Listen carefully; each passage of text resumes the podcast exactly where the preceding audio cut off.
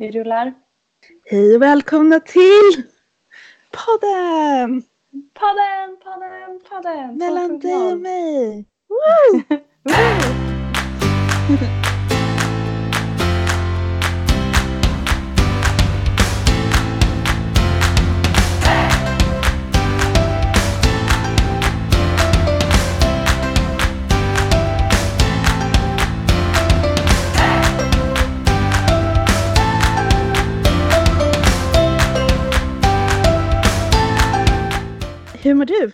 bra.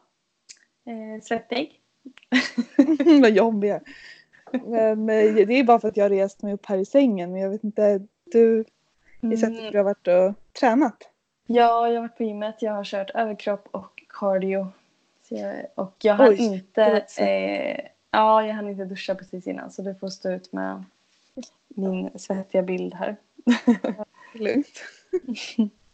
Jag tror fan jag är svettigare ändå. Alltså typ bara, det är lugnt. Jätteså. Det är lugnt. Åh gud, alltså om du, ja. Visst är svettig jag har varit hela, det är så här kvavt idag. Mm, här med. Ja, jag eh, har ju due date imorgon Mm. när vi spelar in där. Jag vet inte om vi har promotat din graviditet mycket nog i den här podden. Jag tycker att vi pratar om det varje gång men kan, men kan alla förstå bara att du ska ha barn imorgon? När vi Ja. spelar in det här alltså. När vi har släppt podden kanske han är här. Ja. ja, helt, eh, helt sjukt. Mm. Jag, alltså, en sak som jag har börjat märka nu är att, ursäkta att jag andas.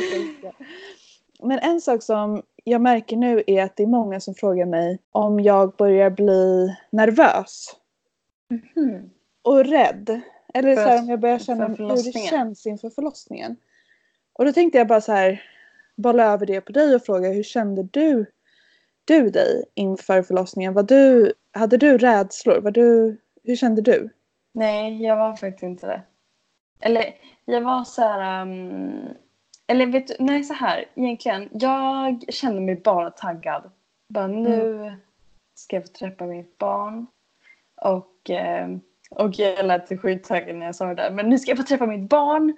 Jag ska liksom föda skitcoolt. Alltså jag ska få gå igenom det här. Att varit gravid. Alltså så här, det känns så konstigt att jag ens har gjort det här liksom. Mm. Tycker, känner inte du så också lite? Jo, alltså, nej, men jag känner mig inte heller rädd. Jag känner mig Nej. bara taggad just nu. Ja. Nej, men menar så här, vad coolt att du har varit gravid. Ja. Men alltså just nu börjar jag nästan tveka på om jag är gravid fortfarande. Va? eller inte om jag fortfarande är gravid men att så här, det börjar kännas mer och mer overkligt att jag faktiskt ska få barn. Mm. Det är jättekonstigt. Men nu, nu Mm. jag så stod i duschen nu och bara. För att mamma pratade med mig så här, "Ja, men när ska ni? Eller liksom att vi skulle komma dit sen. Eh, Hem till Ja. dem efter förlossningen och så när vi, är, ja, när vi känner oss redo. Och då är så här. Tänk att nästa gång jag åker hem till mina föräldrar så ska jag åka dit med mitt barn. Ja. Alltså jag ska vara där med min son. Det är så här. Det känns helt overkligt. Kan jag Mm. inte förstå. Nej. Och då har man ändå gått runt och vetat det nu i nio månader. Ja men gud, ja, men man förstår inte. Alltså, jag förstod inte att, att det var mitt barn som låg på mitt bröst när hon var ute. Inte. Nej men alltså, eller jag visste ju att det var mitt barn. Men det är så här, när ska, när ska någon bara Sådär, nu, Ta bort det. nu, har, ja, nu har du lånat klart det här. Nej, nej men liksom, jag vet inte, det blir så overklighetskänsla. Det är bara där liksom. Att, Ja. ehm, Att hon är det. din liksom. och det var som låg i din mage. Ja, exakt. Och hon, hur hon ser ut. Och, alltså, när man tittar på henne när hon kom upp liksom, och bara så här, får se hennes ansikte och bara känner att det här är mitt barn. Om inte jag hade fött ut henne så hade inte hon funnits ens. Mm. Någonstans. Och hon är så himla lik dig också. Känns inte Mm. det konstigt ibland? Nej, det gör det nog faktiskt inte. Men det är ju Äh. min, min dotter så... Ja. eh, Jag, kan tycka det är konstigt ibland, typ när jag upptäckte för bara så här, det var typ senast jag var hos mamma och pappa, upptäckte att jag och mamma har exakt samma tår. Okej. Ja. För Charlie så här retar mig för att mina tår är så här böjda. Man Mhm. ser typ inte, alltså jag har alltid, de är liksom böjda så här så att man inte ser nageln typ. Ja, okej. Eh, Ja. ja, de går inte så raka. Du har gått med för trånga skor eller? Nej. Alltså antagligen inte eftersom att mamma då också Har har sådana. Ja. Ja. Ja, alltså, ja, för att det var ju bland det första jag såg. För att jag räknade alla hennes fingrar när hon låg på mig. Och så att hon hade tio fingrar. Det var bara så här, jag vet inte. bara- Gör inte barnmorskorna det åt, åt den? Oj, det vet jag inte. Men det var bara... Tror jag. Ja, men de ser bara, de kanske tar bara en snabb kik och bara ja, allt det där. liksom. men, och jag räknade hennes fingrar och jag vet inte om du minns det, men jag har ju sådana här sneda lillfingrar. Mm, minns det? De är liksom kort. jag vet inte som att vi pratar om det ofta liksom.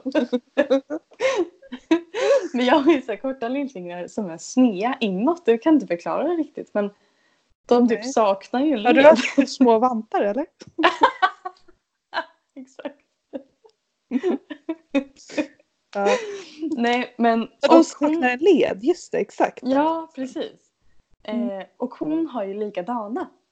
Har hon det? Ja! Jag har inte sagt det. Vad sjukt, nej. Hon har också sneda lillfingrar och jag har ju alltid fått höra för barn, alltså läkarna sa ju till min mamma när jag var liten att de var sneda för att de har legat snett i magen när jag har vuxit. Att jag typ har haft så här knutna fingrar.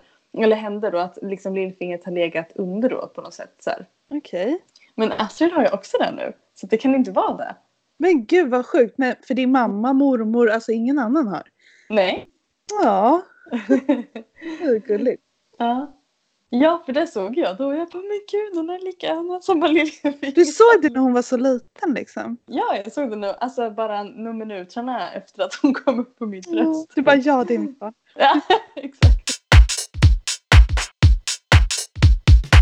Nej men om vi ska prata mer om bara eh, förberedelser och nervositet. Jag var sagt mest taggad, alltså lite nervös ändå. Och, Jo det är men klart var, att jag känner lite nervös också liksom. Men, Ja, men det det var mer typ för att alla är typ så som du säger, bara, är du nervös för förlossningen? Bara, borde jag vara där liksom? Eller vad är det som är så Ja. himla, typ så. Och då på, för jag hade ändå lite ett mantra, jag visste att det skulle göra ont. Men jag visste inte hur ont. Mm. Men att jag tänkte ändå liksom att ja, det gör ont, men det är ett bra ont. Mm. Det ska göra ont. Det betyder att det är på gång och bebisen ska ut liksom. Mm. Eh, och annars tänker man att, att det gör ont är ju något som är fel. Mm. Och det är den instinktivt som kommer ju till hjärnan att liksom aj, det här känns inte bra liksom. Mm. Men fick påminna sig lite om jo, det är bra. på något Mm. sätt. Så blev det liksom lite Men det tror jag är jätteviktigt att tänka så hela tiden. Att här, Mm. ta emot de här verkarna Precis. och liksom ja, tänka att varje verk för mig närmare bebis. Ja, men lite så. Och sen var jag också så här, ja men som sagt så coolt att föda barn. Alltså, alla gör ju inte det. Nej. Liksom. Nej men och sen tycker jag alltså just det här med vad som ska göra ont och inte så alla har ju så olika olika förlossningar. Man får ju Mm. höra så mycket olika och vissa tycker att det gör ondast eh, i början. De, eller inte i allra början men alltså när man eh, I typ latensfasen när man ska öppna sig så. Ja men exakt och vissa tycker att själva kryssningen gör ondast. Vissa tycker att, alltså det är så olika så man vet ju inte själv Nej. vart man kommer vara, hur det kommer kännas. Hur fort det Precis. kommer gå eller långsamt eller Ja, nej men exakt. Och sen så om man nu väljer att ta smärtlindring så hjälper det bara mot, en del hjälper det mot allt, en del hjälper det bara på vissa verkar och inte de andra. Mm. Så här. och så kände jag också, jag bara, jag kan inte förbereda mig mer än att bara ha ett öppet sinne och lita på barnmorskorna att de gör vad de kan. Mm. Liksom, och försöker göra det till en bra upplevelse bara egentligen. Så. Mm. Men du måste ju, jag kan inte säga det här två gånger nog, du måste ringa mig eller skriva till mig när det är på gång. Ja! Alltså, det är så här, min mamma också som, som sagt smsar mig och bara Du måste ringa om, eller så här, messa mig om det är på gång. Typ. Jag bara ja, alltså jag har ju sagt Mm. det till alla, jag hör av mig. ja. Kommer jag. Men jag, i och för sig, du kommer Mm. ihåg när jag var på mitt första ultraljud, vilket var Ja, rutinultraljudet exakt. i vecka 19. Ja. Ja. Ja, då var jag så, jag var ju så jävla, det var jag, det var jag riktigt nervös inför. Ja, För det var som att jag var så här. nej jag hade inte känt bebisen än. Mm. Jag hade ju fått mage och sådär men det var ju liksom, ja när man inte kan känna bebisen då är det så himla svårt att förstå att den faktiskt är där. Mm. Och jag hade inte sett den än. Vissa är ju på ultraljud mycket tidigare och får liksom bekräftelse att det är en bebis där inne liksom. Mm. Jag var såhär, nej, nej det är nog inte ens en bebis. Det är ingen där. Mm. Och är jätterädd. Nu- Och det pratade ju du med oss om.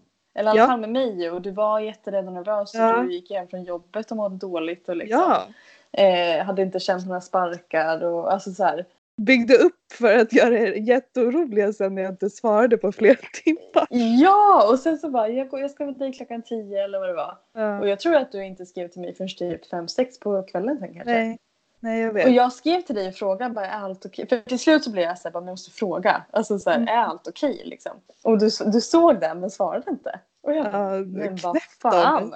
Nej, alltså jag Ja. var typ inne i någon så här värsta bubblan att för att jag och Charlie, vi var, alltså, alltså jag hamnade i världens eh, sån här lyckobubbla och Mm. var bara helt så här. Alltså jag kunde, alltså som du säger, Jo, jag- uppenbarligen kollade jag ju på telefonen någon gång. Ja, Men det var så här, jag var så här, nej men jag svarar sen, jag svarar sen. Alltså jag, ja. jag kunde inte tänka att, för, för det var ju flera sen som var så här, hallå, Mm. oroliga Ja. liksom. Men eh, jag kunde inte, eh, jag tänkte inte alls på det just då. Nej precis, ja men för att jag tror det var bara för att du hade berättat för mig att du var orolig. Mm. Eh, och då såklart att, alltså inte att jag blev orolig men sen när du inte svarade då blev jag rädd att du hade varit orolig av en anledning. Eller Ja, förstår du? jag Att du liksom, Ja men hallå en normal Och- människa det- skickar väl en skickar väl ett sms efteråt och bara Ja det bara gick jättebra eller så här, man behöver ju inte ens skriva något mycket liksom. Det är ganska Nej, vanligt nej. att man hör Nej, av för det sig. var det jag tänkte jag bara fast då, hon borde ju bara skriva så här. Allt är bra. Hör eh, av sen. upp. Ja exakt. Då hade jag bara okej bra liksom. Ja. Men Nej, nu satt jag där ja. och bara, jag satt hos min mormor och min mamma var där. Jag bara, Ida har inte svarat än. Nej men jag vet inte vad som händer. Det är någonting är fel liksom. För hon skriver inte. typ sådär. För då hon kan man ringt då. Jag bara, nej att kan inte ringa nu.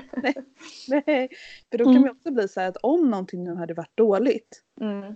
då är det också så här, ja men Ja, då, det känns ju nästan då som att jag hade fått ett dåligt besked. För då känns Ja. det som en anledning till varför man kanske inte svarar direkt. Precis. Nej, Och det var- varför, och varför, ja men exakt och därför vill man ju inte ringa då. För att det är av någon anledning du inte vill säga. Ja, Eller förstår du så? Ja. Så därför, men sen så skickade ju vi och bara ja men gud har varit på lunch med Charlies mamma. Sen var vi där och så gick vi på stan och shoppade lite kläder. Ja. Så jag bara jaha, ja det är klart att du gjorde det där liksom. Det var, varför, varför sitter jag här och tror att det liksom. Ja, så- ja så nej att, men eh, det det var ju det också. Vi träffade ju alla våra föräldrar typ den dagen också. Ja precis, så du hade ju fullt upp liksom. Och det är därför, det är inget konstigt att man inte svarar direkt. Det, är, det, gör, det kan man ju inte alltid göra Fast i en liksom. sån situation kanske Men just då vart det Ja. såhär, man bara vad fasiken Ja. liksom. Nej, det var lite Mm. märkligt. Ja. Nej men det var härligt för dig vara i den lilla bubblan. Men nu tror jag att det kommer vara annorlunda för den här kommer ju vara, man kommer ju förmodligen ha ett, ett väldigt långt verkarbete här hemma. Mm. Och då har man ju tid att sysselsätta sig med saker. Tänker jag. Mm. Mm. Men det där är ju så olika vet du. För att jag Mm. hörde ju inte av mig till någon. Nej jag vet. Det Ja. ja. ja. ja exakt. Alltså, Jag hade inte en enda tanke på det överhuvudtaget. Alltså jag... Sen på dagen när jag hade, för jag hade ju, fick ju verka på morgonen. Och sen kom ju hon dagen efter halv ett mitt på dagen. Så Mm. att det, och egentligen blev det ju att ja, vi åkte in till förlossningen ett på natten.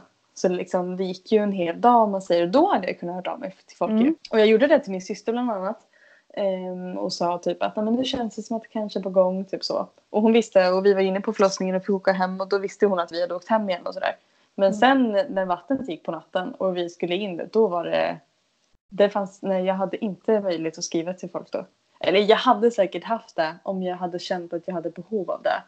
Fast då hade du väl ont och liksom, eller? Ja exakt men verkarna Ja. kom ju, jag menar sen sitter man ju där och bara okej vänta på nästa verk liksom. Mm. Men det var så mycket bara, jag vet inte, jag, det var ju lite kaos när vattnet gick och allt sådär liksom. Så Ja. att jag vet inte, det vart såhär ja.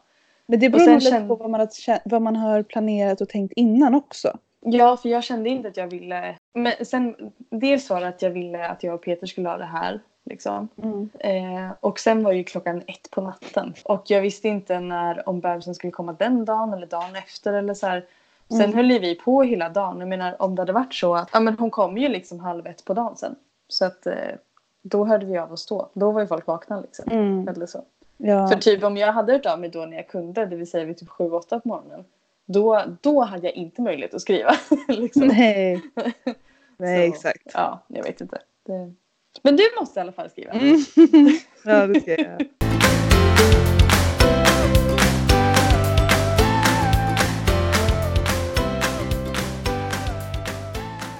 Ja, vi får inte glömma att det är bokklubbsavsnitt också.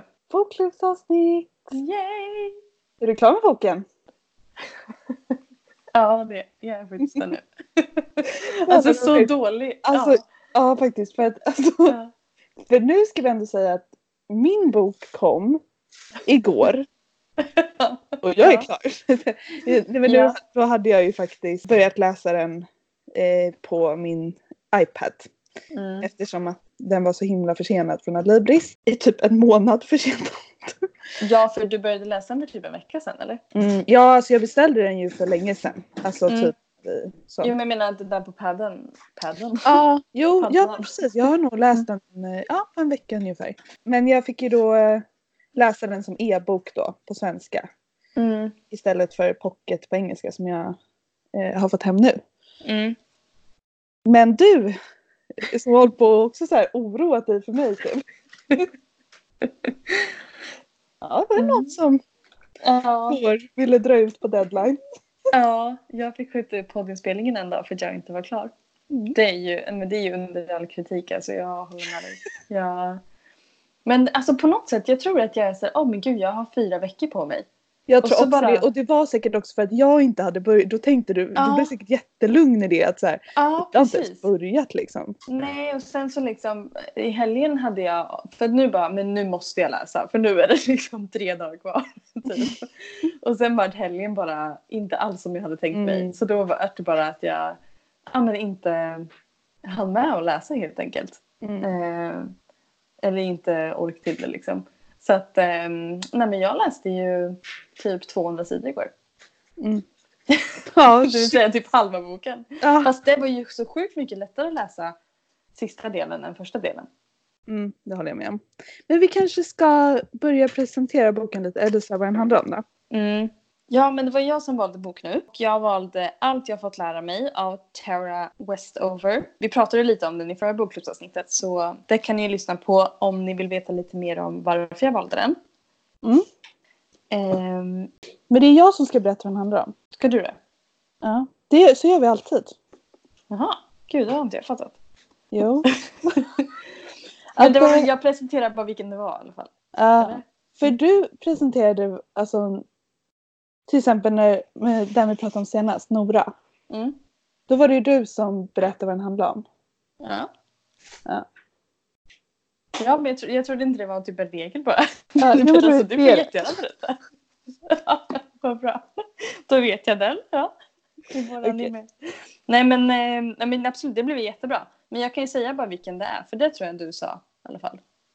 Förra gången med. Mm. Jag har gjort det nu med det. Ah, ja. jag redan. Mm. Det är bra. Ja. Okej. Eh, ja men det är en eh, självbiografi. Eller en memoar. Mm. Alltså, jag vet inte vad skillnaden är. Nej, inte jag. Men eh, hon har i alla fall skrivit om sin egen uppväxt i en mormonfamilj i Idaho vid ett berg. Där hon växte upp med sin mamma, pappa och sex syskon. Och de är väl inte vanliga mormoner om man ska säga. Utan de är lite mer extrem form av mormoner. Mm. Och de liksom bor isolerat på den här eh, skrot... Vad säger man? Skroten. De, Ja, typ en gård med en skrotupplag. ja, precis. Ja. Eh, och framförallt är det väl hennes pappa då som är ehm, hon, miss, alltså hon förstår väl så här senare liksom att han förmodligen lider av någon bipolär sjukdom och sådär. Mm. Han är paranoid och han tror ju verkligen stenhårt på det här med jordens undergång. Mm. Och därför håller de på att förbereda sig inför den här undergången. Mm. Och eh, dessutom så är han ju då som sagt paranoid inför the government, regeringen. Mm. Så, Ja men exakt att de styr allting och när det väl allt kommer rasa så kommer government att rasa.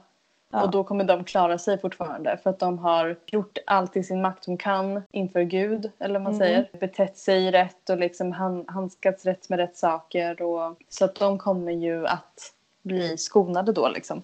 Exakt, och plus När- att de också är självförsörjande på det viset att de inte eh, behöver läkemedel till exempel. Mamman jobbar ju Mm. som en, eh, hon är både barnmorska och jobbar med så här olika oljor och sånt.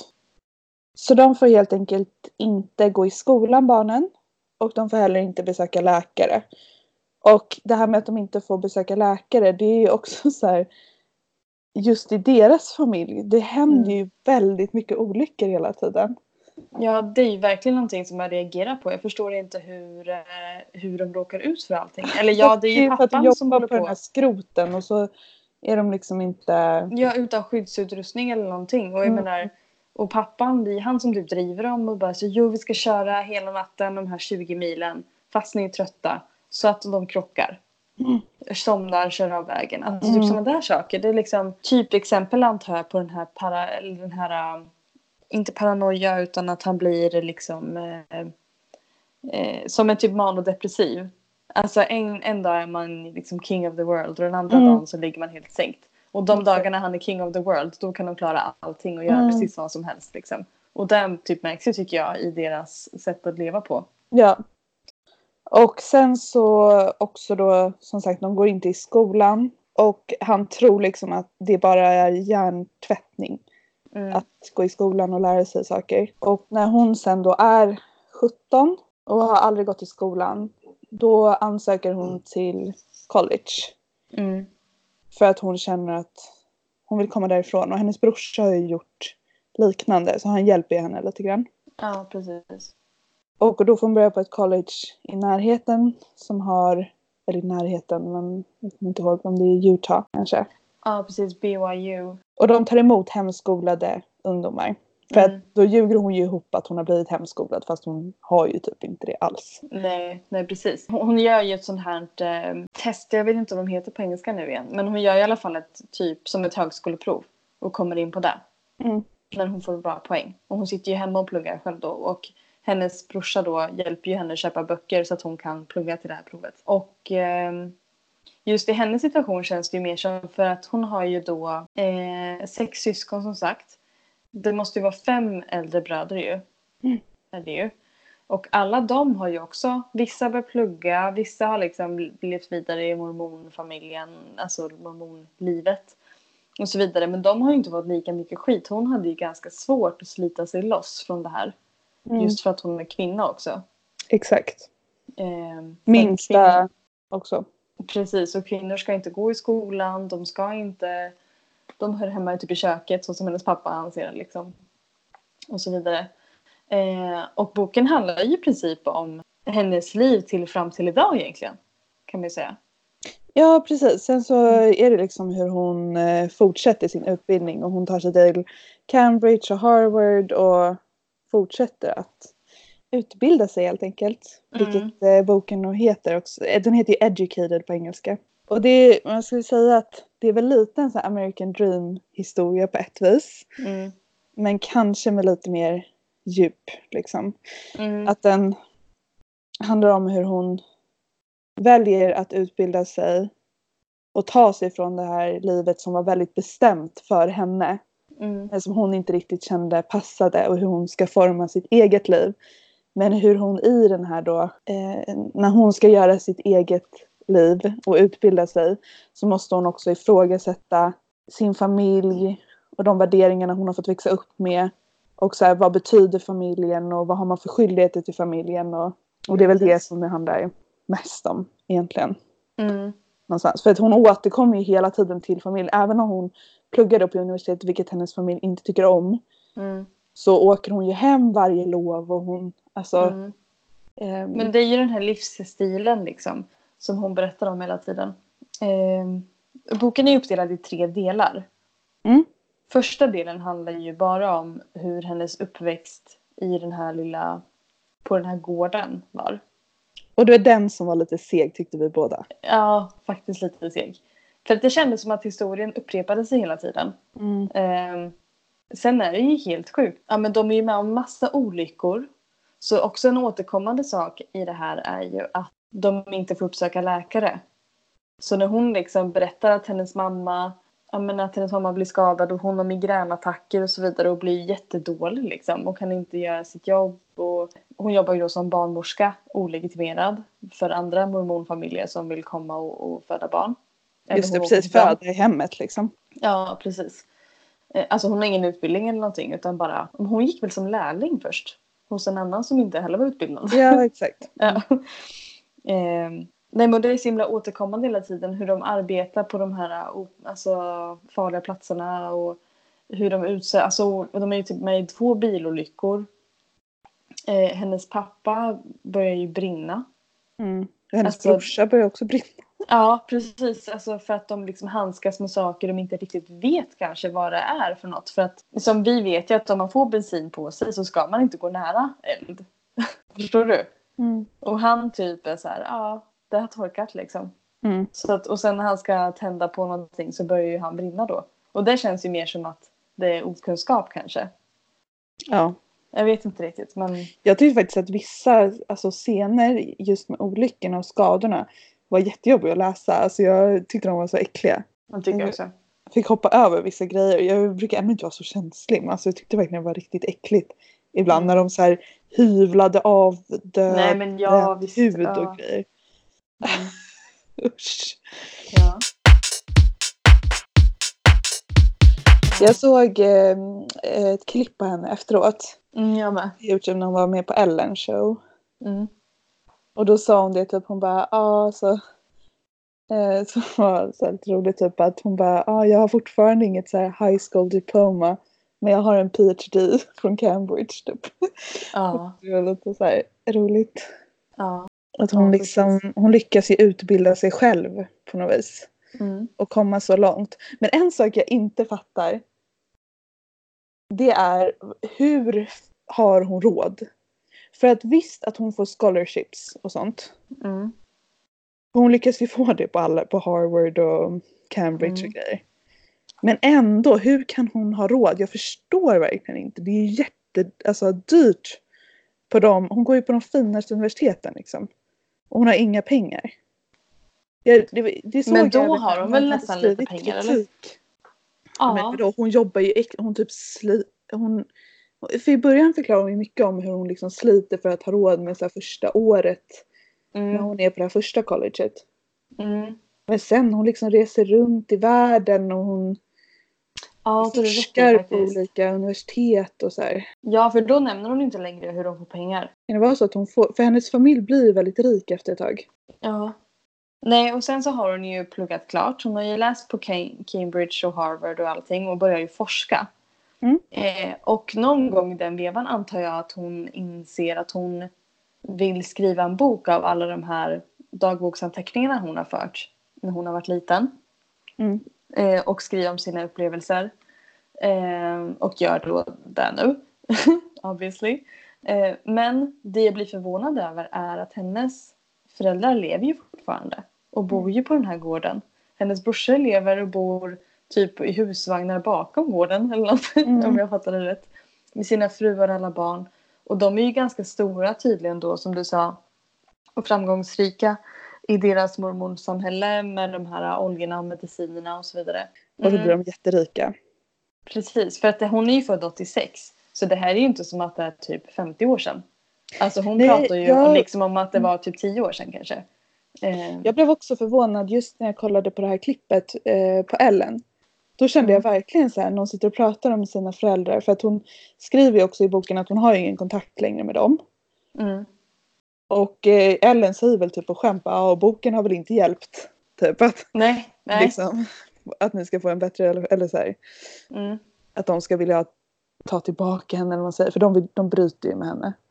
Eller det är precis. väl Hon vill ju ha kont- jo, men hon vill ju ha kontakt med dem. Men det är så sjukt hela tiden när hon förklarar hur det, hur det går till mot slutet innan de bryter helt. För att hon vill höra av sig till sin mamma.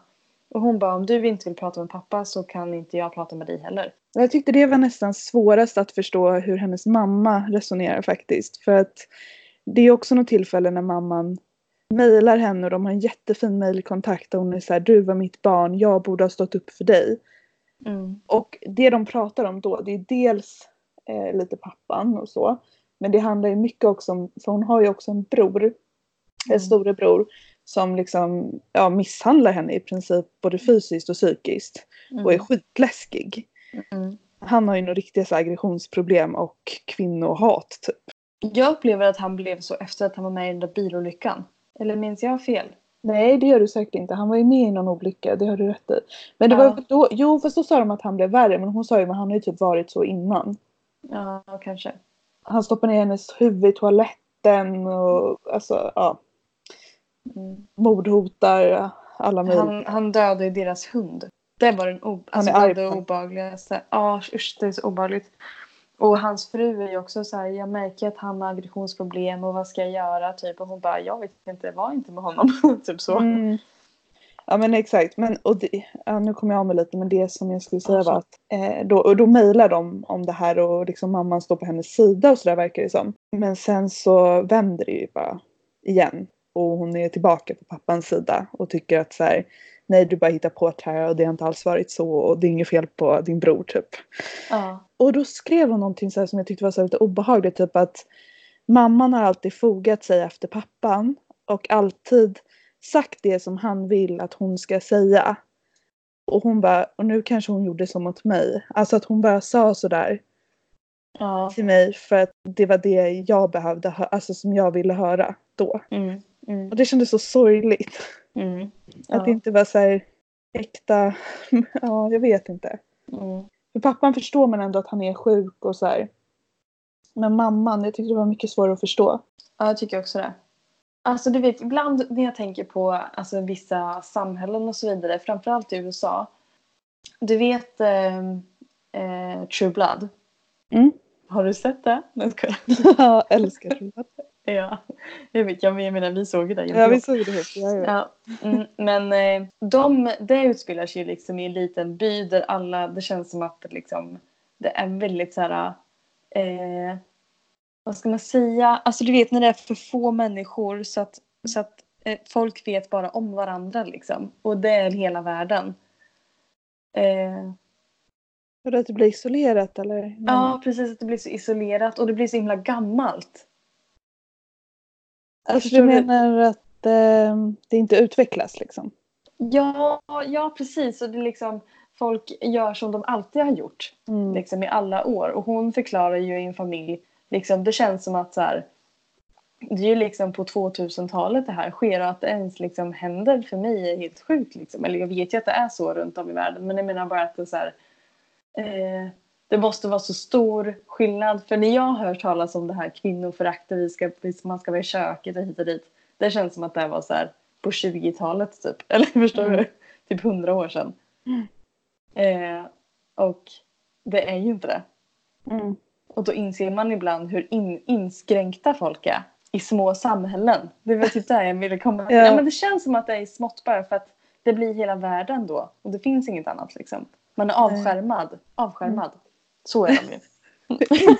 Avskärmade. Mm. ja men det var att jag letade efter orden och så hittade jag dem. Då blir jag nöjd. Mm, jag. Vad tyckte du om boken då generellt? Eller liksom, var den bra eller var den... Jag tycker att den var jättebra. Jag hade lite svårt att komma in i början också. Just för att, eh, ja men lite som vi pratade om innan, att det var lite samma, samma första delen. Mm. Sen tyckte jag att det vart eh, väldigt spännande typ så fort hon, när hon började liksom slita sig loss lite därifrån. Alltså jag kanske inte riktigt förstår att den har blivit så hypad. Att den har blivit så hyllad. Jag gör faktiskt inte heller det. Men Jag tycker det- också att den är jättebra. Men det måste ju ha någonting med den här amerikanska drömmen att göra som du säger. Jag tror Och att, amerikaner eh, älskar det. Och det är därför Ja. den blir så himla hyllad i USA. Och så är det en kvinna och ehm, alltså en modern, på modern tid och också om mormonism, vilket säkert är eh, jag har inte superkoll på mormonism vi pratade om innan också men det är säkert väldigt amerikanskt, alltså folk känner- till det lite, alltså förstår du? Att det känns hemma kanske på något sätt. Mm. Jag tyckte framför allt att eh, det var jättekul att läsa om när hon börjar universitetet och för jag, alltså jag romantiserar ju verkligen den här akademiska världen. Jag älskar ju det. Alltså det är därför jag har pluggat så himla länge också. Jag, jag gillar verkligen den världen. Och eh, jag blir typ lite alltså, avundsjuk alltid när det är såna här historier om typ amerikanska colleges och sådär för att jag vill också jag vill också gå Mm. där och bara så här läsa massa roliga filosofi och litteraturkurser och Ja. sådär. Jag tycker det är så himla härligt. Och därför tyckte jag nog extra mycket om boken för att det handlar ju mycket om det. Hur hon liksom sätter sig in i nya tankes... Alltså hon har ju inte ens hört om förintelsen. Hon måste lära sig allt på nytt. Så det gillade jag bäst. Och sen så just eh, familjegrejen också såklart. Alltså det är ju spännande. Det var ju spännande och liksom även om man inte har varit med om en liknande grej så kan man ju ändå relatera till vissa saker. Alltså med familj och så. Jo men det är väl klart att så här, en familj är ju ens allra allra privataste känns det som. Eh, och dessutom i hennes familj känns det ju som att, att hon kommer få mycket skit för att hon berättar deras innersta familjehemligheter liksom. Men just det, vi, vi tappade tråden lite på det. Att det är lite konstigt att hon faktiskt skriver den här boken nu när Mm. hennes familj alla fortfarande lever. Mm. De har brutit den här kontakten men jag menar även om hon, hon har ju satt pseudonym på alla förutom eh, de här brorsorna som det är tre brorsor tror jag som hon nämner vid sina riktiga namn och det är de tre som har accepterat henne Mm. nu som fortfarande har kontakt med henne och som har varit med på den här boken. Liksom. De andra syskonen står ju på föräldrarnas sida. Mm. Men du vet, jag googlade och då fick jag ju fram föräldrarnas namn direkt. Ja men det är klart, precis. Det var det Ja. jag skulle säga att så här, hon går ju ändå ut med sitt eget efternamn och liksom. Exakt, ja. Och hon vart hon bor, om nu det stämmer. Men jag antar att det gör det. Ja, Eh, det tror jag. och frågan är om... Ja, hon kanske inte trodde att det skulle bli så här stor grej av det. Nej, Men det är ju verkligen så här. Det känns, det känns lite att- is, alltså inte att det känns iskallt. För det är klart att det här är hennes historia och hon har ju blivit liksom illa behandlad och så här, men samtidigt som sagt Men- hennes pappa är ju uppenbarligen liksom sjuk och så här. Ja, jag vet inte, jag tycker det är, li- tycker det är lite konstigt faktiskt. Mm, jag tycker också det. Men hon, hon nu ska jag bläddra i boken här. För det är ju Eh, väldigt, alltså det är väldigt uthängande på många sätt. Det är ju inte som att de har blivit liksom dömda för något brottsligt eller förstår du vad jag menar? Alltså, ja, Det mm, finns ju alltid olika, histor- alltså olika sidor av en historia. Precis. Men hon skriver i början här att eh, det handlar inte om mormonism, inte om någon annan form av trosuppfattning. Och författaren vill understryka att det inte finns något samband, positivt eller negativt, mellan livsåskådning och personliga egenskaper.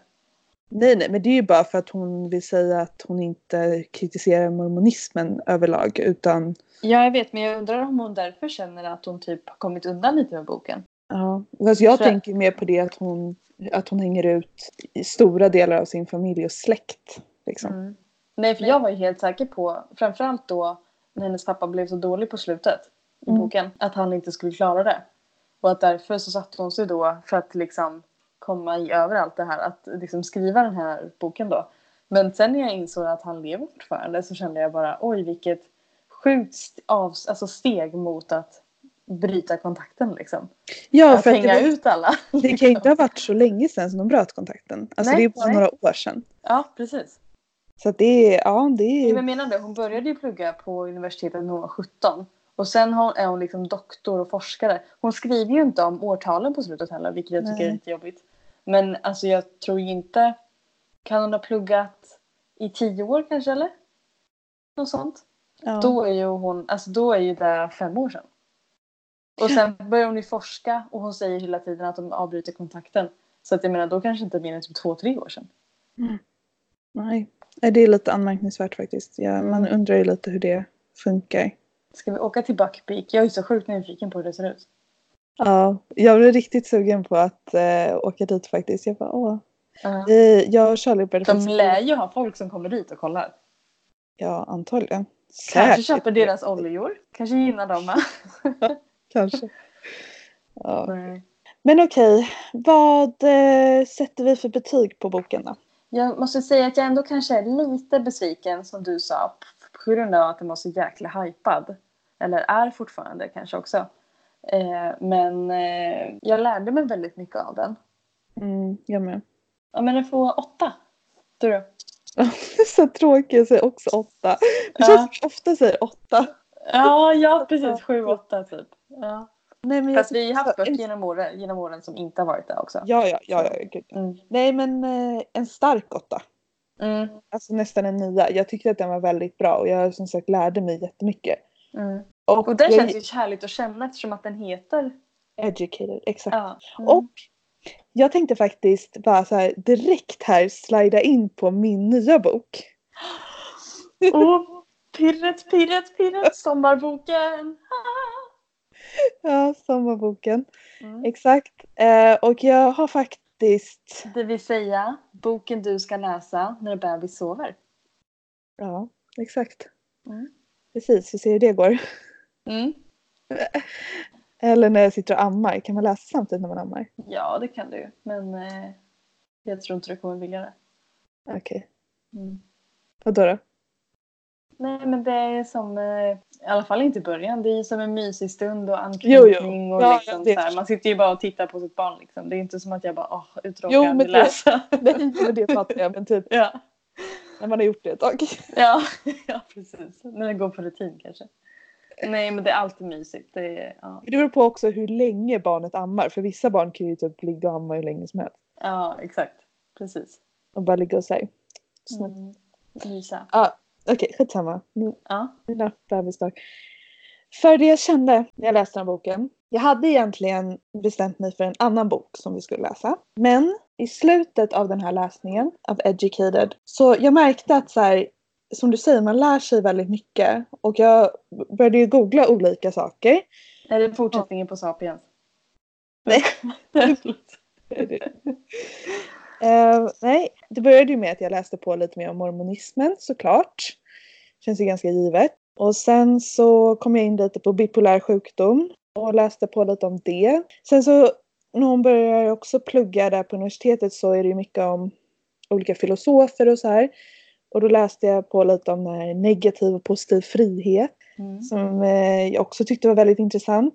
Och sen så började också Tara, hon började läsa på om feminism. Hon har liksom aldrig riktigt lärt sig om vad feminism är innan. Och så började hon läsa på om så första vågen, andra vågens feminism. Och då kände jag så här, men gud, jag har typ inte så mycket kunskap om feminism egentligen heller. Alltså inte ur ett historiskt perspektiv eller så här, några sådana typer av kunskaper. Jag har ju mina egna åsikter och värderingar och sådär. Och jag kan väl lite men jag känner att jag, det brister lite grann ändå. Som man Mm. kanske borde ha koll på. Och då så hittade jag en svensk feministisk klassiker från 96 som man tydligen bara ska ha läst. Okej. Och den heter Under det rosa täcket av Nina Björk. Alltså, och den, som sagt, den är skriven på 90-talet så det, de kallar det lite tredje vågens feminism då. då. Ja. Och den finns i en jättefin så här, pocketupplaga eh, på Bokus, inte Adlibris. Nej, precis. Och det är tydligen en sån här bok man bara ska läsa. Jag, alltså jag har inte så här, jättekoll på exakt vad, hur den kommer vara och sådär. Nej. Utan Jag tänker att det får, eh, det får vi se helt enkelt. Spännande! Mm. Gud, det lät jätteroligt tycker jag. Jag älskar sådana här böcker som man bara säger den här ska du ha läst. Mm. Och den här kommer ju garanterat väcka väldigt mycket tankar. Säkert. Ja men det tror jag verkligen. Alltså det är ju lite så här vad, vad innebär det att vara kvinna och vad är feminism och liksom Mm. sådär. Och det, även fast den är från 96 så ska den tydligen fortfarande vara jätterelevant idag. Mm. Den ska kännas som att, alltså fortfarande liksom. Du menar att det fortfarande är relevant att kvinnan ska ha lika mycket lön som män och så här? Nej men liksom att mycket kan man relatera till idag. Fortfarande. Vi har inte Ja, kommit så långt än med andra ord. Ja, nej typ exakt så. Ja. Ehm, och jag bara tänker att så här, men, det känns bra att man borde kanske ha lite mer sån här koll. Du blev lite inspirerad av Tara helt enkelt. Ja, det blev jag. Att man ska lära sig saker. Jag älskar, jag älskar ditt tänk. Jättebra. Ja, vad bra. Mm. Då ska jag klicka händer på Bokus direkt. Ja, gör det. Jag skickar länken till dig sen. Ja, gör det. Nej, Mm. så att eh, Hoppas vi får med några på tåget den här gången då. ja, eller hur? Det hade ju Ja. varit jättekul. På bokklubbståget och också vill läsa den hemma oss i sommar. Mm. Bra snack! Ja, jättebra snack idag. Ja. Nu eh, som sagt, jag har date imorgon så att jag hoppas att i natt att jag kanske ska vakna upp i en blöt säng tänkte jag säga. Men alltså att någonting händer i natt. ja, exakt. Hoppas Det verkar eller. Mm. Ja. Och eh, så hörs vi nästa vecka. ja, det gör vi. Okej, Hej då! hejdå! Puss puss!